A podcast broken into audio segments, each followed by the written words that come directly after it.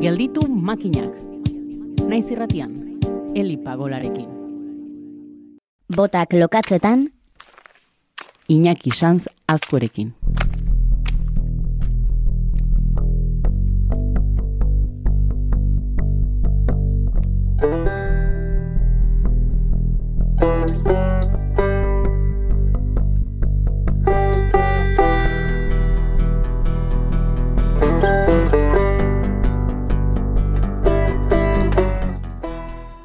Urrian aurkeztu genizuen hilero hilero gurean izango dugun kolaboratzailea Iñaki Sanz Azkue erpetologoa. Eguerliko eguzki epeletara ateratzen ziren narrasti txikiak izan genituen aurreko hilean izpide, eta jakina poliki-poliki adri dira izaki ektotermoak eskutatzen. Beraz, garai egokia iruditu zaigu, Iñakirekin botak lokazteko. Ongi etorri Iñaki. Eso, eskerrik asko, hili. Tira, esan bezala aurrekoan, narrasti txikiak izan genituen aipagai, eguzki epeletara ateratzen zirela eta, oraingo honetan zer izango dugu? Bai, aurreko urrian aipatu genuen, e, narrasti txikiekin eguteran ibiliko ginala, eguzki inguru horretan, ektotermoa dira, kanpoki, kanpotik hartzen dutelako beroa, eta gaur ba beste, beste eremu batzutara jotzeko proposamena ingo dizuet, e, kasu honetan herrio edo ibai inguruetara izan ere, ba, oain garai oso honean sartuko gara, batez ere, aste honetako euriteak, edo aurre ikusita dauden eurite hauek, ba, ba, betetzen badute behintzat, e, bere funtzioa dela, ibai eta herrioetako emaria onditzea, ez? Kasu horretan, ba, nire proposamena hilabete ontakoa izango da, izokin atlantikoa ikustea. E, izokin atlantikoa, ba, azaro, abendu inguruan ikusiko genuke, herrio edo ibaietan gora ugaltzera igotzen, beti ere korrontearen kontra egin du historian zehar espezie honek eta urri eta azaroan ere hala egiten du. Ordun esango genuke garai aproposa dela izokin atlantikoa ikusteko. Eta garai aproposa bai, baina leku aproposa zein da, inaki? Ze ba, ibaietan izaten da? Bai, hori da, zehaztu barko litzatekena da, e, Lapurdi, Nafarroa eta Gipuzkoa eta Bizkaiko ibaiak diala aproposenak, e, itxasora, e, itxasoa gertu daukaten puntuetan ez ditzateke aproposa izango, baizik eta ibaien barrukalde, goikalde hortan, hor dituztelako batez ere ugalekuak. Gero e, aukeran, ba, Lapurdi, Nafarroa eta eta Gipuzkoako ekialdekoak izango liateke onenak gaur egun. E, orduan garaia aproposa da, ibaiak ere baditugu aproposak, baino gero egin barko deuna da, ba, beti bezala, bizta zorroztu. eh, kontuan izan bar dugu korrontearen kontra, ibaiak urremari handia izaten dula, eta urremaria dagonean uraren mugimendua ere, ba, ez da erresa izaten, urrazpian dauden arrainak ikusteko, ez? Orduan, ba, bueno, ibaietara gerturatu, herrio ingurutara gerturatu, eta saiatu barko deguna da, ba, tamaina handiko, arrain bat ikusten. Edo eta bestela ba, pazientzia eduki eta zergaitik ez ba, presak edo uarkak dauden eremuetan itxarotea ba, ea izokin ematek saltoren bat egiten du, ne, beti gorakoan saiakerak egiten. Hmm. Beti gorako bidea gainera ugaltzeko arrazoiagatik hartzen dute ala? Hori da, izokina e, kontu edoki bar da espezie anadromoa dela. Espezie anadromoa izateak esan nahi du e, itxasoaren eta ibaiaren artean egiten dula bere bizizikloa. E, aipatu dugu moduan, orain igotzen hariko lirateke, udaberrian hasiko lirateke igotzen. E, haundienak udaberri inguruan, izokina haundienak udaberri inguruan hasiko lirateke igotzen. Eta gero, ba, urri azaroan edo, ba, txikixagoak. E, azaroa bendu inguruan, ugal garaia hasiko da, e, gune aproposetan, da, gero aipatuko dugu zeintzu dian gune aproposak, oeak edo ingo lituzkete, eta horria jaioko lidateke izokikumeak deitzen dianak, ez? Izokikume horiek ibaian igaroko dute ba, urte bat, edo bi urte, gutxi gora bera, gure ibaietan nola izaten da, eta gero, ba, udaberriko euriteak aprobetsatuz, ba, pixkanaka, pixkanaka, itxaso aldera gertu bateko liateke. Eta hor gertatzen dana da prozesu oso interesante bat, oso interesgarri bat, biologia aldetik, eta da izokinak eh, aldaketa prozesu bat izaten dula aldaketa prozesu bat, bai, gorpuzkera aldetik, luzatu egingo litzateke urdindu pixka bat, eta baita jokaera aldetik ere. Izan ere, ugaltzera doan horretan, ba, askotan bakarkako egiten du, e, ibilera, baina gero itxasoan, edo da itxasorako bide horretan izokikumek, ja taldeka edo talde txikietan ere e, egiten dute, ez? Orduan, itxasoratze horretan, e, arridura sortzen du askotan, baina izokinak ibai utzi eta bos mila kilometro baino gehiagoko bidei bat egin behar izaten du. Eta hor azalduko da Feroe Irlak, Labrador, Islandia edo Groenlandia inguru horretan, eta bizpairu urtez gehientsuenak egongo dian, haunditzen eta krila jaten, ez? Gorpuzkera haunditzeko, indarra hartzeko, eta noski, balen aipatu duen bezala, behin indarra hartuta, berriz ere, ibaietera gueltatzeko. Eta hor bago beste ezaugarri bat e, oso ezaguna dana, izokinetan, izan ere izokinen gehienak, behintzat, jaiotako ibaiera sartzen dira. Eta jaiotako ibai horretara sartzen dira, aipatzen dalako, ba, izokikumeek beherakoan itxasoratzean memorizatu egiten dutela gutxi gora bera, kako txartan jarko nuke, ibaiaren ezaugarriak, ez? Eta orduan, ba, beti gorako horretan, e, itxasotik ibaierako horretan, bokalean daudenean, ja ikusten dutenean behien ibaiaren bokalean daudela, beti gora egingo dute.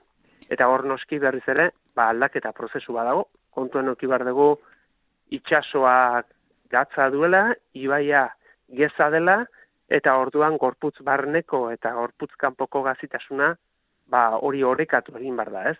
Orduan hor eh, aipatzen da osmosia erregulatzeko sistema bat du eta hori orekatu egin behar izaten dula. Hmm.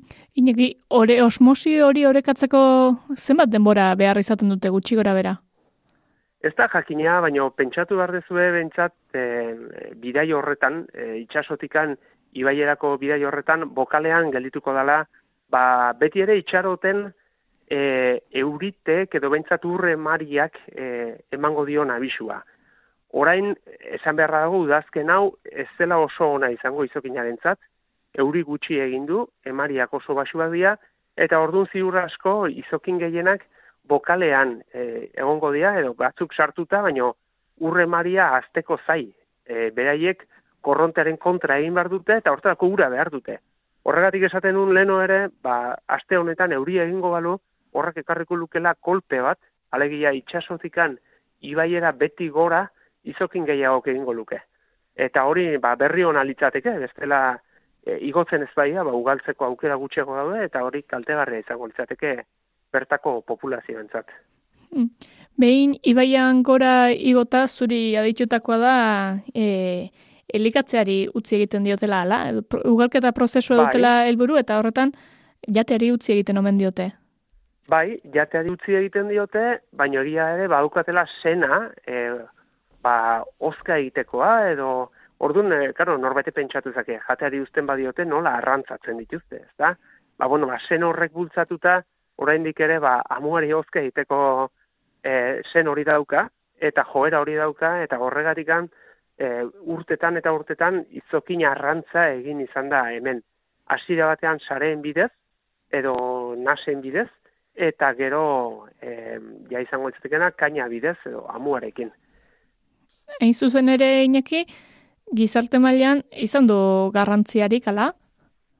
Bai, izokina, izokina arrantzak ikaragarrizko garrantzia izan du, pentsatu behar dugu en, aizpitarteko kobetan, errenterian bertan, aurkitu izan dira, ja, aurre historiako e, arpoi antzeko batzuk, e, ezurrez eginakoak, eta adarrez egindakoak, eta arantza, arantzekin egindako amuak, pentsatzen da arrantzarako erabiltzen zituztela eta bueno, ez ditzatek harritzeakoa izango e, oi hartzun ibaia eta urumea ibaia gertu izan da ba izokin arrantzan ibitzea, ez? Geroztik badakigu hasi erdi arotik eta egun arte ba arrantzatu izan dela izokina.